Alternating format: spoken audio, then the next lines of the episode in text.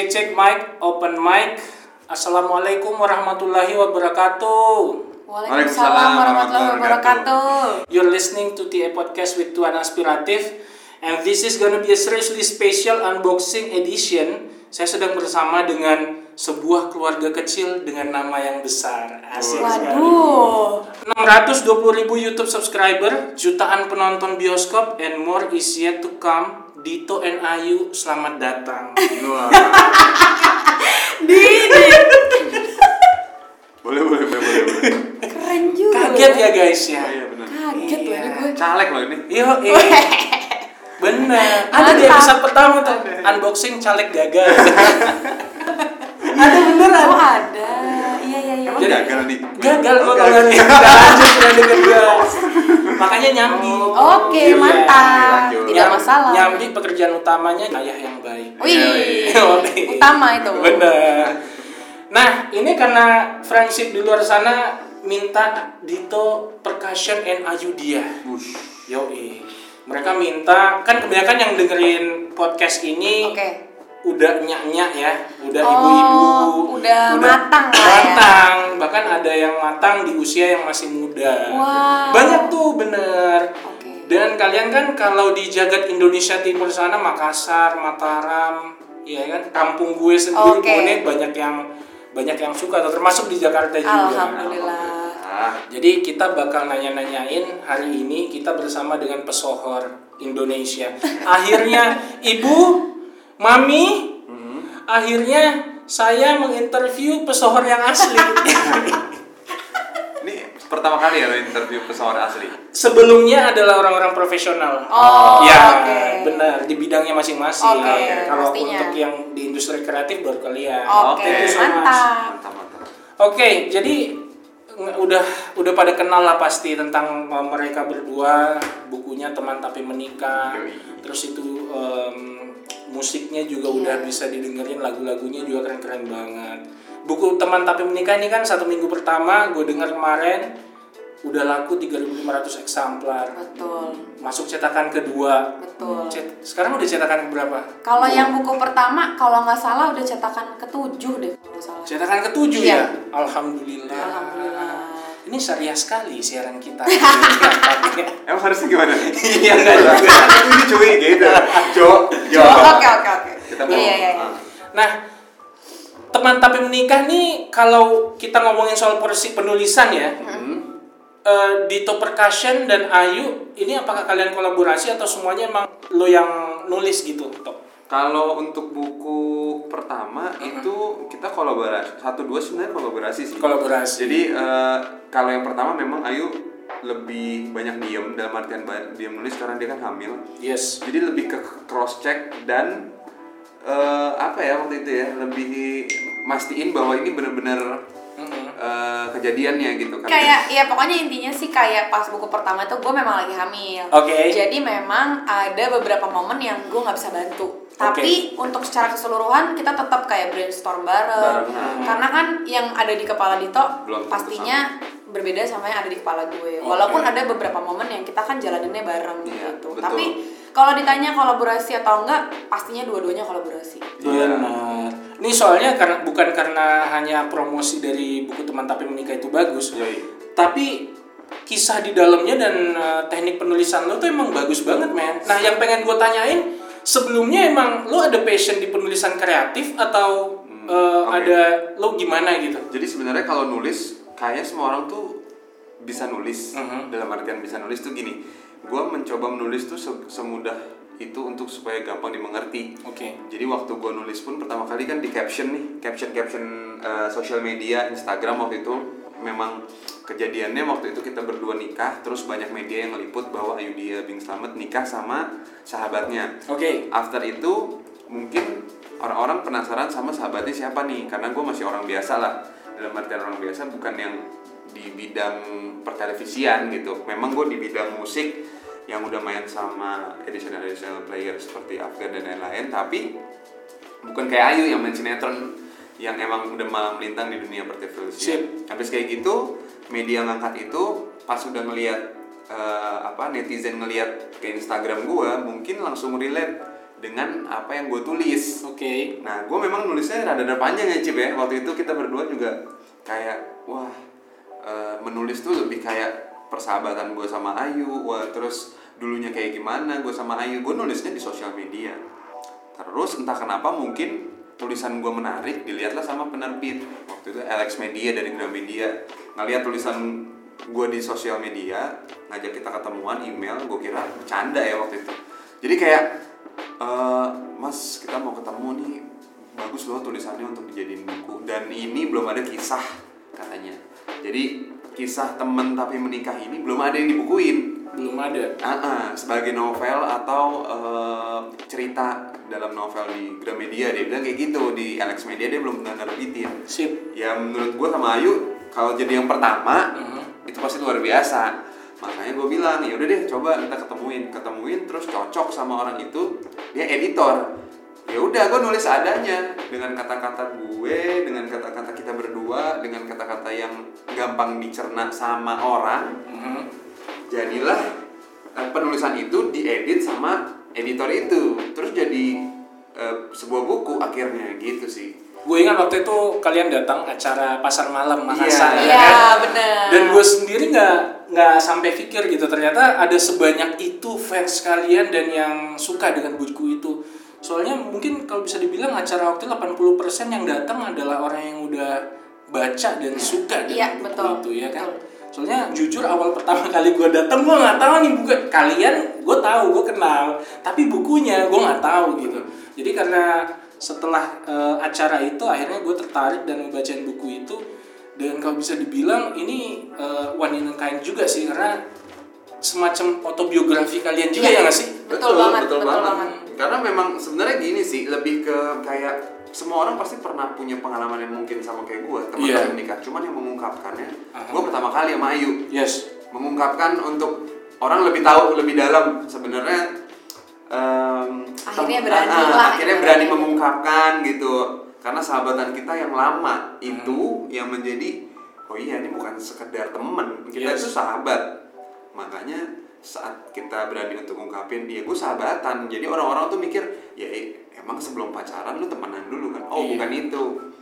Perjuangan gua eh, kita berdua untuk menjadi sepasang suami istri itu kayak itu long long history gitu loh. Jadi Yes. kayak emang ya 13 tahun itu sahabatan. Sebro itu gua sama Ayu yang yang orang tuh pengen tahu akhirnya bisa gua ungkapin gitu. Tapi akhirnya semuanya udah pada tahu lah se sejagat Indonesia ini apalagi kemarin filmnya hits banget tuh ya. Iya, Alhamdulillah. Alhamdulillah. Nah kenapa gue ngotot banget nih pengen nge-interview kalian, nge-unboxing kalian. Iya, iya. Kenapa? Soalnya jarang banget ada kisah hidup seseorang yang diangkat dalam buku kemudian dijadiin film, ya kan?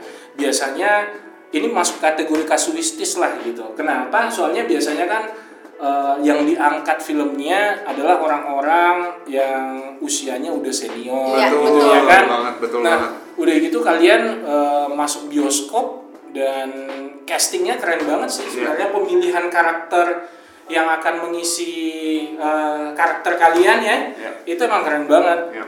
Nah untuk pendalaman karakter sendiri gimana tuh prosesnya si Vanessa Priscilia sama Adipati? pas pada saat pemilihan jujur aja sih sebenarnya kayak dari buku ke film tuh sebenarnya hal yang sangat-sangat berbeda Oke. dari segi eksekusi dari segi brainstormnya pun tuh sangat-sangat berbeda gitu nah kalau untuk film sendiri jujur aja itu sebenarnya udah pos di luar yang eh, kuasa kita sih sebenarnya Mhm. makanya kayak banyak juga teman-teman kan yang akhirnya kayak ngadu sama kita kayak eh, ih bagus ya kak Adipati sama Sasa. Tapi ada juga yang ih kok mereka sih nggak cocok tahu nggak mirip atau segala macam gitu. Nah itu tuh udah pertimbangannya PH sebenarnya. Walaupun memang ada supervisi kita juga sih. Yes. tapi memang keputusan akhir tuh benar-benar di uh, production house gitu. Jadi benar-benar uh, dari segi kalau misalnya kayak pendalaman karakter kita pun ikut bener-bener Ikut, ikut. ya. jadi pas pertama kali kayak oke pemainnya ini ini ini ya fix gitu ya kita ikut kita cerita. Iya pada saat kita SMP kita seperti ini loh sifatnya. Pas pada saat SMA seperti ini. Karena yang banyak banget orang nggak tahu tuh kadang oh Ayu dia sama Dito tuh sahabatan ya. Oke. orang tuh mikirnya sahabatan as in yang eh, baik yang oh lo gue jemput ya oh lo udah makan belum? Padahal yang namanya sahabat cewek cowok itu kan nggak mungkin kayak gitu kan. Sahabatan tuh bener-bener eh bro apa nih? Tonjok-tonjokan lah tapi oh gak ah terus jahil-jahilan. Nah itu yang sebenarnya dari awal pendalaman karakter tuh itu kita bangun ke Adipati dan Sasa pada saat itu. Karena memang kita pengen juga ngasih tahu bahwa sahabatan tuh bener-bener sahabat kayak bener-bener ya udah berteman baik gitu. Bukan yang eh, sahabatan eh, apa namanya plus plus lah atau sahabatan yang ujung-ujungnya misalnya kayak bikin baper. Karena memang persahabatan yang kita bangun tuh bukan persahabatan yang ala baper-baperan seperti itu. Iya emang banyak yang nanya juga sih. Soalnya kan eh, saat kemarin filmnya launching Ya. salah satu pertanyaan yang paling sering gue denger tuh kenapa nggak kalian aja gitu yang memerankan diri Iya. sendiri? Karena kalian secara eh, ya, maksudnya masih kamera able lah gitu kan ibaratnya.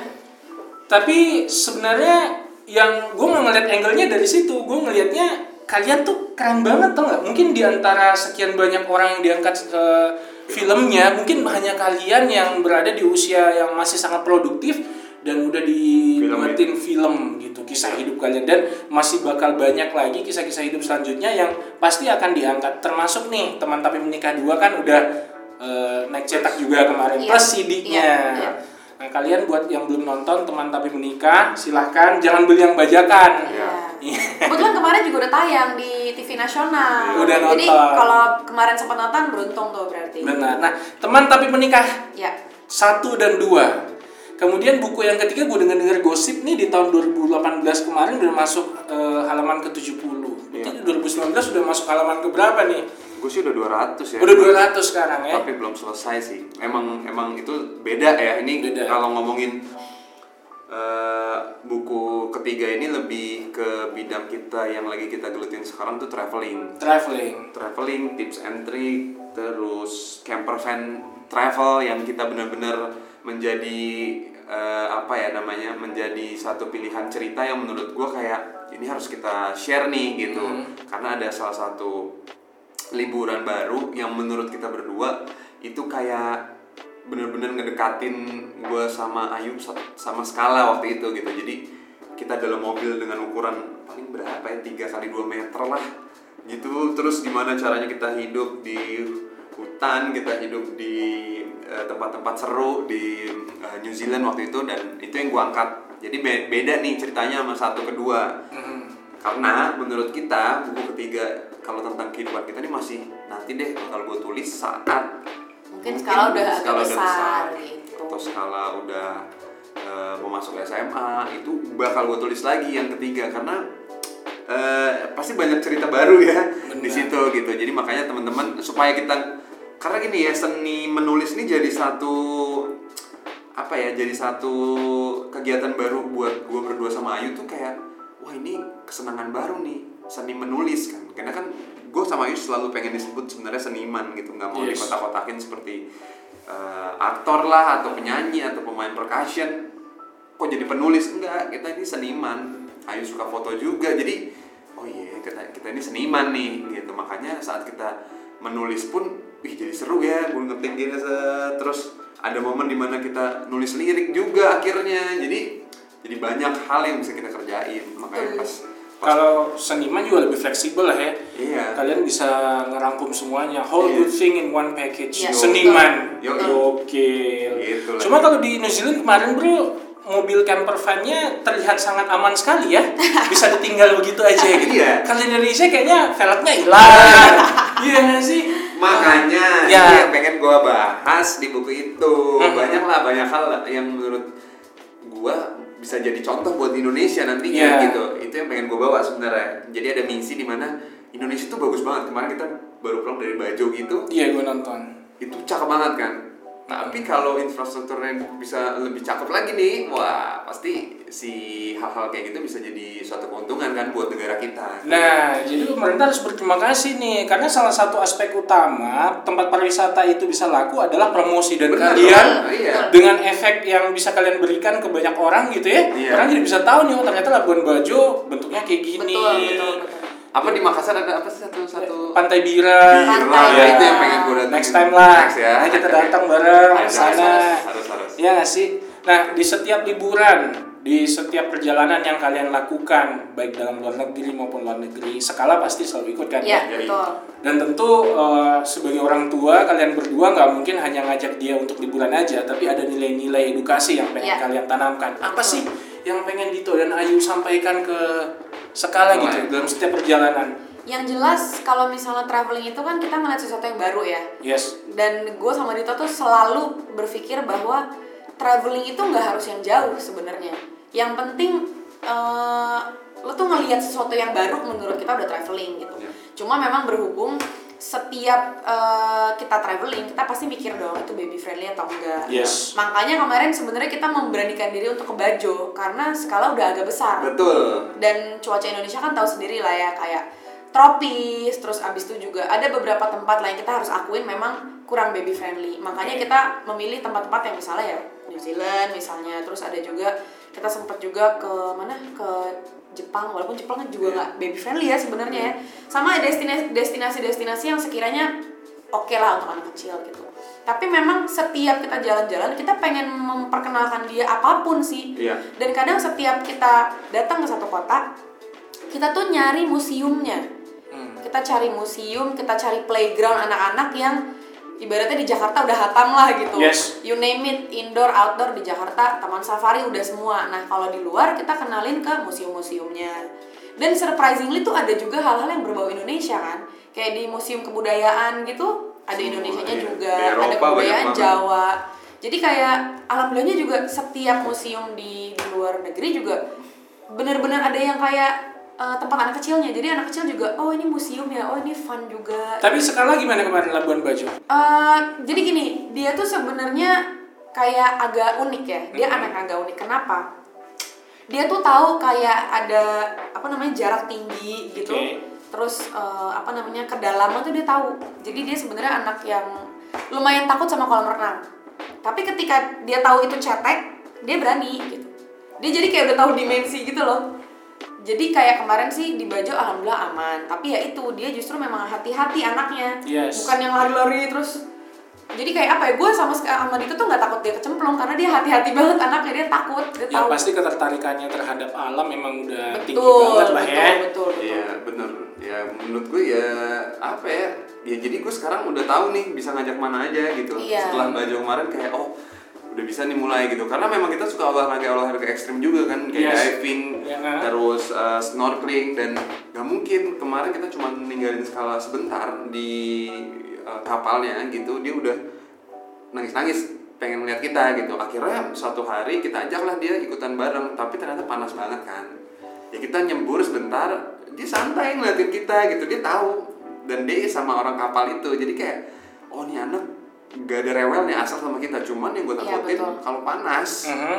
saat kita diving kan lama nih 40 Oke. menit aja coba di dalam air dan dia di atas nungguin gue sama Ayu kan kasihan sebenarnya hal-hal kayak gitu yang masih harus gue pikirin lebih lanjut sih makanya Apa? kita pilih makanya kita pilih tempatnya kadang yang lagi eh, Adem, cuaca iya. dingin gitu sih lagi winter tempat-tempat yang family friendly gitulah Iya. iya nah apa karena hobi kalian traveling sampai akhirnya kalian itu memilih untuk pindah ke tempat yang sangat bisa dibilang terkenal banget sebagai spot liburan terbaik di Indonesia gitu Yoi. di Bali gitu Iya. apa itu salah satu karena uh, Tujuannya. friendship sedikit informasi uh, mereka berdua ini dengan dengar nih ya rencananya bakal berpindah kota Yoi. bakal stay Yoi. buat kalian yang eh, berdomisili di Makassar kayaknya bakal senang banget karena Deket mereka, ya? karena mereka pindahnya bukan di Makassar Iya. pindahnya ke Bali Iya, iya. Bali dekat banget sama gitu. Makassar iya iya iya benar benar hanya butuh sekitar Sejam. 45 menit doang Oh, naik gitu? pesawat Yoi. wah gue bakal kebiran tuh kalau iya gitu. bisa balik tuh gampang Iya, bener bener bener bener seru seru seru seru jadi gimana nih soal rencana kalian pindah Iya. ke Bali? Gue lihat juga di Instagramnya Iya. Dito kan, Oke. eh, pekerjaan rumah juga ada sekitar eh, 60 persen, Iya, 70 persen gitu kan ya. betul Gimana eh, salah satu alasan utamanya? ya Jadi kalau alasan sebenarnya gini ya, ini kayak throwback dikit. Gue tuh sama Dito sama-sama suka jalan-jalan. Mhm. Dan ternyata pas pada saat kita zaman masih sekolah, kita tuh udah jatuh cinta sama Bali, tapi sendiri-sendiri nih. Jadi kayak gue jatuh cinta sama Bali karena waktu itu gue sempet eh, apa namanya, ya kita study tour juga sih ke Bali ya bareng ya Iya. dari sekolah gitu. Tapi habis itu pas semakin dewasa, oh ya udah gue coba uh, jalan-jalan sendiri. Waktu itu sama teman-teman gue juga. Dito juga sering banget bolak-balik ke Bali karena harus manggung gitu. Ternyata pas nikah berhubung udah halal ya kan udah bisa bareng memutuskan semuanya akhirnya kayak eh ini kita juga terlalu sering bolak-balik Bali ya. Gimana kalau kita langsung aja udah pindah gitu? Karena kita sama-sama jatuh cinta dan yaudah deh yuk kita tabung aja deh. Maksudnya dalam artian tabung ya untuk propertinya lah untuk kebutuhan di sana. Dan alhamdulillahnya ada jalan ada rezeki ada juga. rezekinya. Dan kita memang udah cita-cita juga sih kayak pengen juga ya sekolah eh skala tuh disekolahin di tempat yang ibaratnya kayak apa ya alam banget lah gitu.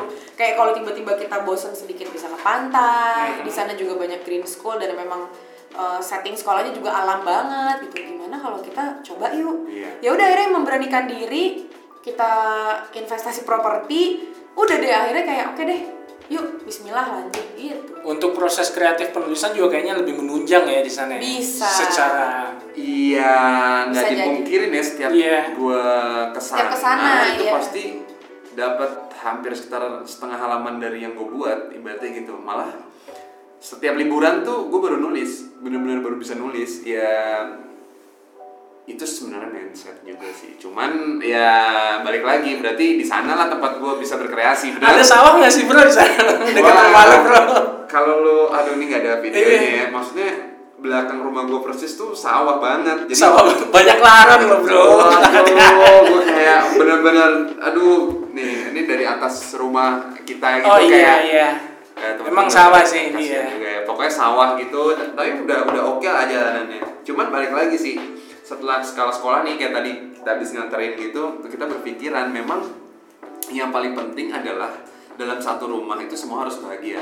Iya. Saat gue tadi nganter dan jarak dari rumah ke sekolahnya itu hampir satu jam 15 menit Iya juga dengan kemacetan di ibu kota ini ya mantan ibu kota nantinya Iya.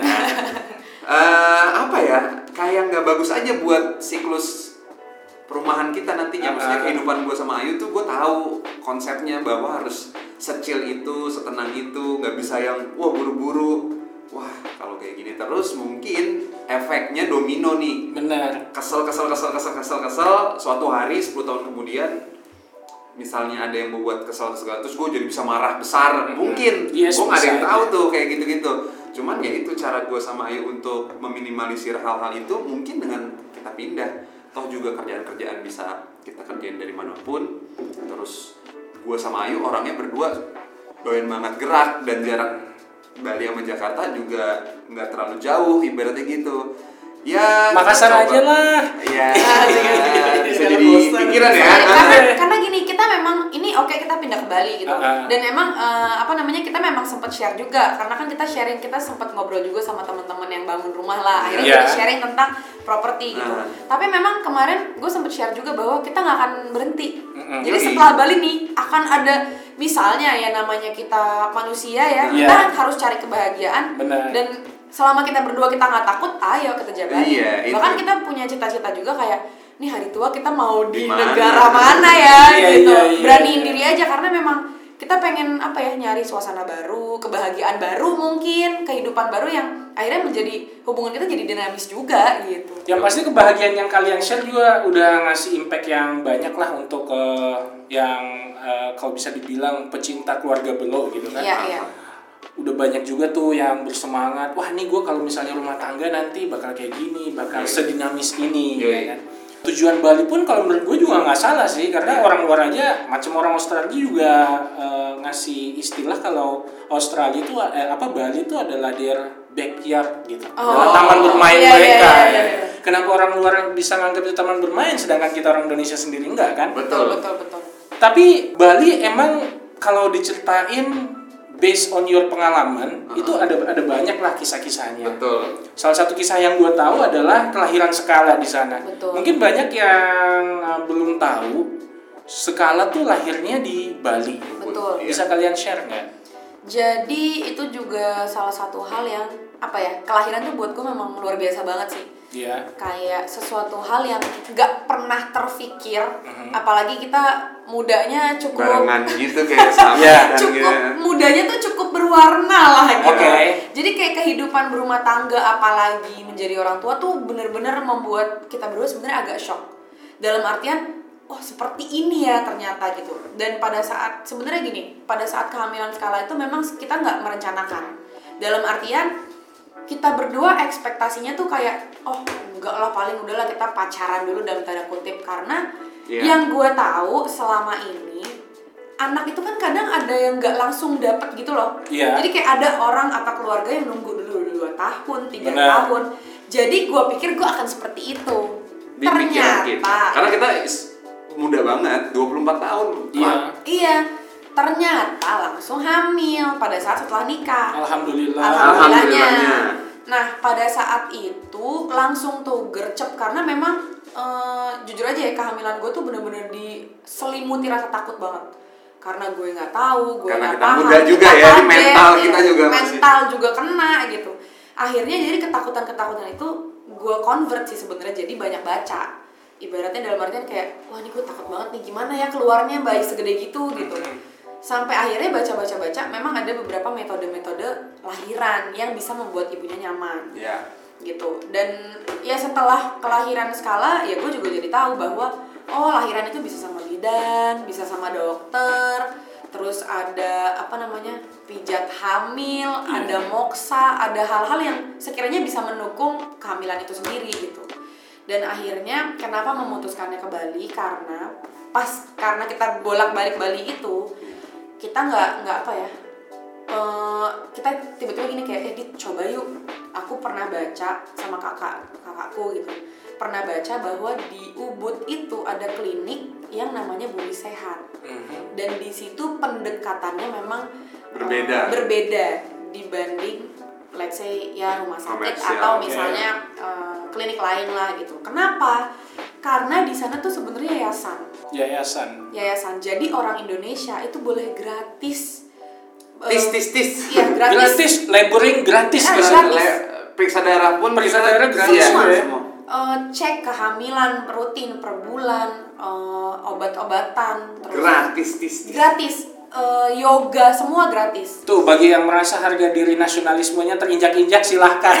Soalnya Sorry, sudah- iya. terus yang punya Heeh. orang luar orang WNA ya warga negara asing dan udah jadi WNI Udah kayaknya jadi udah cinta WNI. WNI Jadi- udah naturalisasi. Iya, Iya men. pasti. Jadi jadi gini yang menarik di sana adalah ini juga share juga ya. Jadi Yes. teman-teman kalau misalnya memang mau nyumbang segala macam itu juga bisa banget karena berarti nanti teman-teman ikut membantu Membantu. ibu-ibu hamil yang ada di sekitaran Indonesia gitu.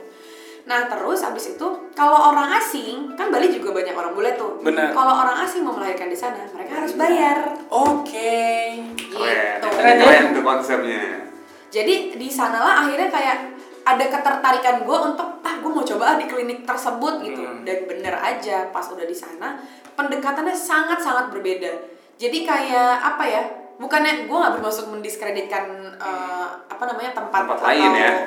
Eh, tempat komersil lainnya ya tempat bersalin komersil cuma memang ya ada pendekatan-pendekatan yang memang bener-bener ibu hamil tuh bener-bener ratu gitu Ibu hamil. Oke. Iya, jadi kayak pada saat itu sih pengalaman gue pas gue masuk gue rasa takut tuh ada gitu tapi pas ke sana benar-benar mereka kayak memfasilitasi supaya tenang gitu ini ini adalah anugerah ini adalah kebaikan yuk kita sama-sama cari solusi bareng-bareng misalnya takut atau apa diperiksalah dengan baik dengan dengan apa namanya dengan pokoknya dengan mulus lah ibaratnya gitu dan dengan kata-kata yang baik juga Mereka paling tahu lah caranya. Yes, betul apalagi banget. apalagi waktu itu status lo adalah first timer ya nggak sih? bener Pertama ibu kali baru, masih iya. pasangan muda pula Betul.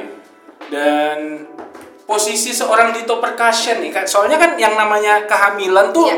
ibu nggak boleh berdiri sendiri nih Betul. Eh, tekanannya emosionalnya juga kurang stabil Iya. Eh, dan juga ada perubahan dalam metabolisme tubuh ya kan Iya. Posisi seorang Dito Percussion selama 9 bulan kehamilan tuh gitu. Nah. Apakah eh, apa aja yang lo ngerasa kalau wah di tanpa dia gue nggak mungkin bisa sekuat ini support apa aja nih yang lo rasain selama kehamilan? Yang jelas sih gue gue tuh betul-betul apa ya gue ngerasa beruntung sih sebenarnya. Mhm. karena Dito tuh hampir di setiap keadaan dia selalu ada gitu. Walaupun sebenarnya ya adalah beberapa hal yang Dito juga laki-laki cowok Iya. banget lah ibaratnya gitu Mhm. jadi gue sebagai pihak perempuan harus gue yang jelasin karena kan kalau cowok nggak merasain mer- nggak merasakan kehamilan dong Iya. jadi gue harus ceritakan ke dia apa yang gue rasakan That's why kayak setiap apa pun itu Dito tuh sangat membantu dan gue pun juga sangat mengkomunikasikan semuanya ke dia Eh laki-laki dengar kok yang di luar sana nah, kau dengar yang di luar sana. Jadi yang namanya istri kalau hamil jangan dibiarin sendiri. Ih jangan Bini gua tuh waktu hamil tuh gua sering pergi-pergi. Nah, Jadi Eh, tapi- anaknya pinter sekarang. Iya, eh, tapi waktu gue hamil yang di Bali kan Gua tuh kerja di Jakarta Oh, Jadi dua iya. bulan tuh gue bener-bener Ya ada beberapa long distance-nya lah gitu Ah. Jadi Dito ada di Jakarta Tapi ya itu sih, yang penting komunikasiin aja semuanya Nah, kenapa gue bilang kisah kelahiran Sekala nih seru banget ya? Apalagi waktu itu ada sebuah kasus tentang kehamilan ini ya, yang ngebuat lo sedikit agak tegang juga, karena dia waktu itu posisinya Sungsang. sungsang. Iya betul Nah, akhirnya gimana tuh? Nah akhirnya jadi gini sebenarnya eh, Dramatik banget. ini iya ini luar biasa banget sih gue juga nggak menyangka gitu ya jadi keadaan sungsang ini memang udah nggak bisa diputar lagi semenjak kehamilan 7 bulan jadi kayak udah ada beberapa usaha yang gue lakuin tapi Ke dokter ternyata- pun kita udah usaha juga. Iya, tapi ternyata memang ya mungkin skala maunya gitu kali ya. Jadi dia maunya sungsang dan setelah dilihat sama bidan waktu itu sama Bu Robin juga langsung eh, apa namanya kayak Posisinya. posisinya atau keadaannya masih bisa melahirkan normal. Nice. Karena sungsang itu dengan catatan di bawah 3,2 kg itu masih bisa normal. Mm-mm. Satu, terus yang kedua eh, ari-arinya juga nggak menutup jalan lahir, jadi masih aman. Gitu. Jadi kemarin pas pada saat udah in- eh, udah kontraksi segala macam, ya dilihat masih oke untuk kelahiran normal, ya udah berangkat.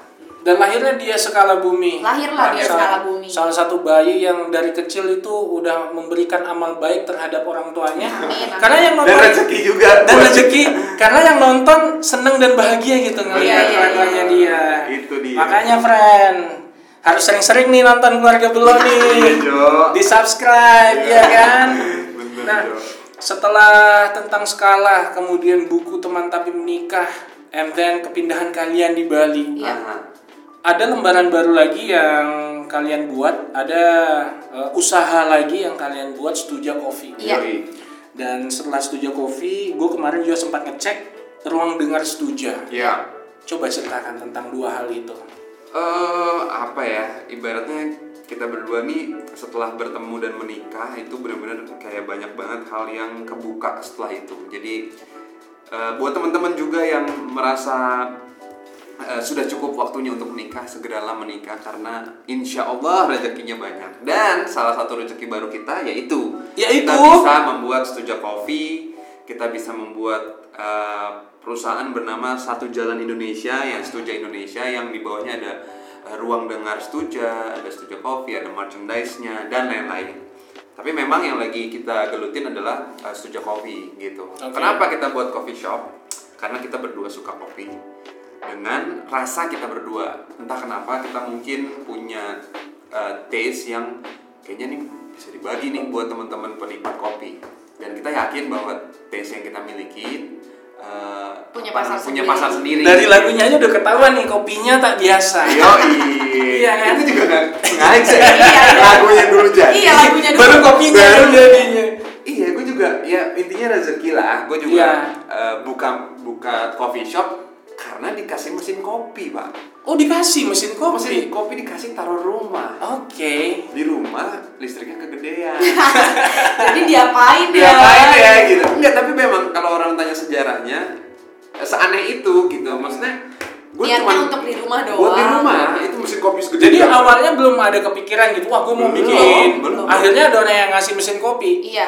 Karena kan investasi utama untuk membuat warung kopi ya harus ada mesin Iya. kopinya. dan mesin Benar. kopi kan mahal ya. Iya. Gue juga bingung sih. Tiba-tiba ada orang ngasih mesin kopi. Wah ini Iya. kayaknya gue harus bikin nih. Soalnya ada yang ngasih. Iya. Ya tanda-tanda ya ya nggak nggak langsung gue bikin gitu maksudnya berdua juga orangnya santai ya Cip ya maksudnya bukan kan Dan awalnya tuh gue malah justru gini, udah deh kopinya, maksudnya mesin kopinya di rumah aja. Iya, Karena iya. jujur ya, gue tuh paling gak mau gue bilang sama dia. Yes. Akhirnya memutuskan untuk bikin kopi, gue tuh bilang, gue gak mau ya kita bikin kopi terus yang ini kopinya ide Dito yang ala-ala kayak eh, kopi artis gitu. Iya. gue tuh gak mau gitu.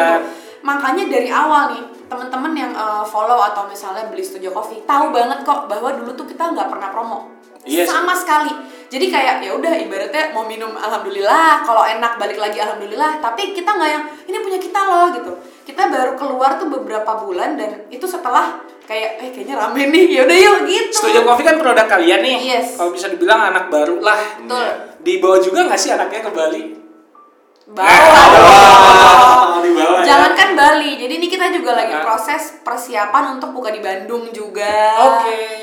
Bandung, Boleh juga Jogja, nih di Makassar nih ya. nanti nih. Kalau Di ada Makassar. teman-teman di Makassar yang dengar dan mau invest Mm-mm. untuk kita cari tempat doang sih. Iya, Ibaratnya, benar, benar, ah, benar. Jadi Manajemen masih tetap di bawah kendali iya. kan jadi ya. gini betul. maksudnya eh, entah kenapa ya eh, nggak tahu ya kita berdua kayak kok jadi banyak orang yang datang ke kita dengan bawa bawa gue punya tempat nih lo Hmm. isi dong sama seperti yang di Jakarta pun juga alhamdulillah banget ada tempat yang nggak ada tempat kopinya gitu. Jadi dia punya restoran makanan namanya Salapan Noodle Jakarta. Itu punya Sarasehan dia nggak nggak menjualan kopi. Terus dia ngajak kita toh lo buka di sini dong kopi. Gue lihat lo punya mesin kopi tuh di rumah. Ya udah. Kebetulan gitu ya iya, tapi memang misi kita tuh eh, bukan hanya jualan kopi, yaitu untuk eh, lingkungan yang lebih baik. Karena semua produk yang kita pakai itu emang waste dari produk-produk plastik. Jadi kita mengurangi banget yang namanya pemakaian plastik Mhm. dengan botol kaca.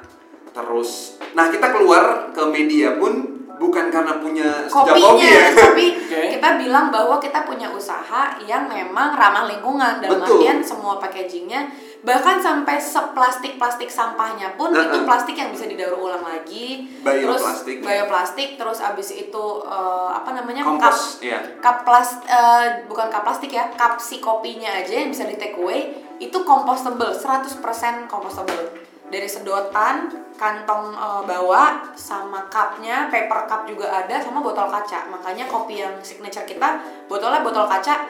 Itu kita gerakan teman-teman. Misalnya bisa jadi tempat gula tempat Iya. garam untuk menanam bahkan untuk melihara ikan-ikan kecil itu juga bisa gitu.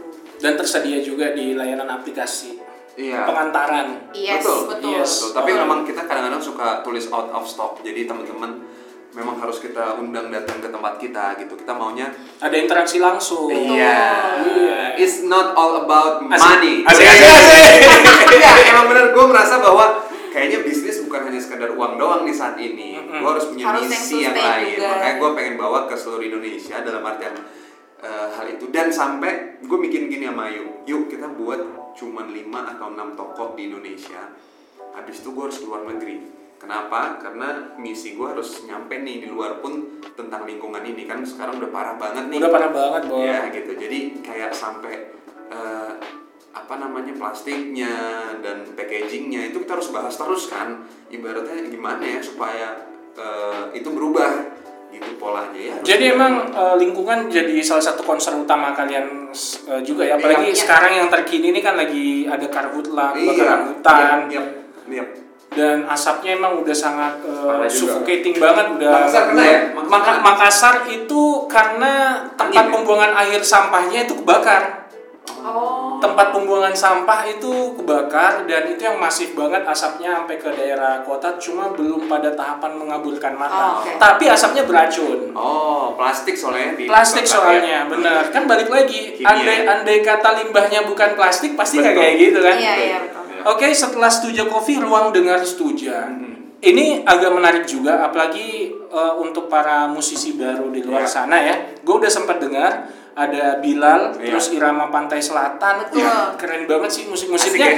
Yang disajikan adalah jenis musik yang berbeda Iya, gitu. iya. Jadi kuping nih nggak bosan. Ada ada ada ada pendidikan juga musik. Iya. Apa ini karena lo akhirnya kembali ke passion awal lo anak band gitu? Enggak sih, Be- sebenarnya sederhana aja. Gue punya rumah. Ini buat juga teman-teman yang punya rumah. Menurut gue tuh harus dimanfaatkan lebih. Mhm. gitu. Jangan hanya sekedar em, bangun Oke. sesuatu tapi aduh terus jadi mubazir gitu. Lo hari-hari kosong kan di luar nih. Ah. Tapi gue nggak entah kenapa gue sama Ayu berpikiran bahwa ruangan atas itu harus jadi sesuatu saat kita bangun pun Oke. rumah kita tuh eh, tiap lantai tuh punya punya apa ya punya aura yang berbeda di bawah ruang tamu tempat makan dan lain-lain. Lantai dua tempat tidur. Lantai tiga tuh tadinya kantor.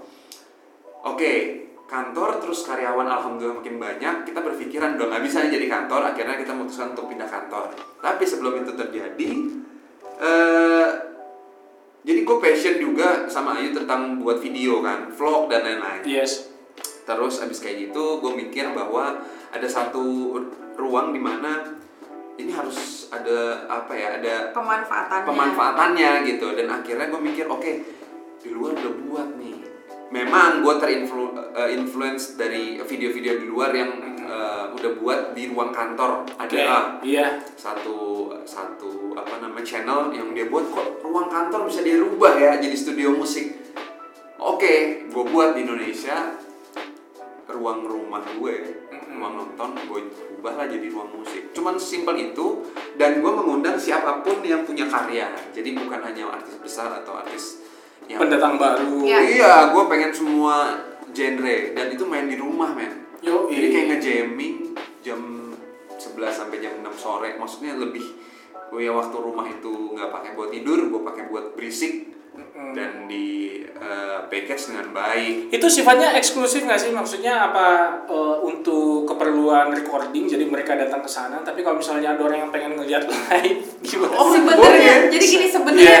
gue open Bakal juga ke sana. sih bakal juga karena memang sebelumnya kita belum pernah kayak gitu mungkin nanti next ini baru 8 video ya, Ya, mungkin karena harus 10 karena sebenarnya gini kita tuh em, apa namanya biasanya yang jadi penonton tuh memang krunya kita Iya. sama orang-orang rumah tapi ide lu bagus juga Soalnya waktu saya pertama lihat itu video, itu jenis musik yang kalian kasih itu luar biasa sekali. gitu. Wow. Jenisnya eh, nggak nggak seperti pada umumnya kan kayak nama pantai Sela- selatan tuh kan bagus banget kan. Iya. Terus ada yang eh, aliran eh, folk juga, Iya, ada iya, Bilal dan iya, lain-lain iya, gitu. iya, iya.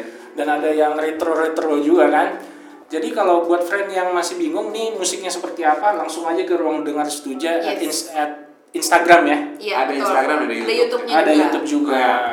Oke lah friend, thank you so much ya. Yap. Gua minta closing statement dulu dong. Apa nih Oke. eh, yang pengen kalian sampaikan untuk pemuda-pemudi di luar sana? Yang pasti jangan takut untuk segera menikah, ya kan? asal udah cocok ya Iya. sama-sama cocok karena gue percaya banget sih kalau misalnya memang apa ya sesuatu yang maksa atau sesuatu yang dipaksakan itu pasti akan gak baik jatuhnya ya jadi Betul. harus sama-sama cocok dan balik lagi kita ngingetin sama teman-teman bahwa nggak harus teman sendiri juga kok. Yang penting kalian bisa punya waktu saling mengenal. Akhirnya nanti setelah menikah menjadi teman pun juga nggak masalah. Tapi memang kita berdua sebagai sahabat ada apa ya ada cheatnya lah dikit. Ada cheat kita ya. udah tahu ibaratnya uh, sifat-sifat sebelumnya. Yang penting sih mungkin pesannya lebih kayak jangan takut buat ya menikah sama teman Oke. sama orang yang cocok di umur yang tepat juga terus jangan takut juga buat bikin sesuatu bareng. Mhm. karena iya karena apa ya itu sih salah satu hal yang kita lakuin gitu. Pengen selalu bareng pengen selalu bersama akhirnya jadi bikin sesuatu. Dan ya alhamdulillah sih sejauh ini lancar-lancar aja. Untuk di top percussion nih, parenting dari perspektif seorang ayah gitu, seorang bapak, lo ada tips gitu nggak sih parenting? Soalnya kebanyakan ada stereotip tersendiri seorang bapak gitu kan, mereka cuma jadi teman main aja, Iya. mereka hanya uh, memberikan nasihat aja gitu Iya. kan, tapi cenderung tidak ada kerjasama tim antara suami dan istri. Iya. Sedangkan kalian terpapar nyata gitu, bisa dilihat di YouTube, bisa dilihat di Instagram. Apa nih yang pengen lo apa ya gue tuh gini loh. Sampaikan gitu loh. Intinya gini setiap manusia itu punya sistem atau eh, mungkin rulesnya masing-masing. Yes. jadi sebenarnya kalau tips itu tuh berat tapi kalau mau nyontoh gua ya boleh aja gitu. Ah. cuman ya kalau dibilang apa sih tipsnya? Tipsnya ya santai aja. Jadi eh, lebih ke arah gua ngatur emosi gua sendiri gua ngatur eh, apa namanya kepekaan gua. Walaupun misalnya gue tadinya orang yang nggak peka dan belajar untuk lebih peka. Misalnya Ayu lagi ini mungkin gua harus eh, bantuin dia. Misalnya Ayu masih mandiin skala gue udah nyiapin makan di bawah. Kayaknya cuman yang penting berusaha untuk tidak cuek. Ya. Cip ya? paling gitu ya. Saling jadi saling ngasih tahu tapi harus sama-sama ngelakuin bareng gitu tapi Iya, da- tapi dalam bro itu bro. Karena kebanyakan emang kayak gitu. Iya. permasalahan utama jadi kepala rumah tangga. Itu cuek ya? Cuek. Terus udah gitu juga kita nggak bisa menjaga sirkulasi emosi terkadang ya.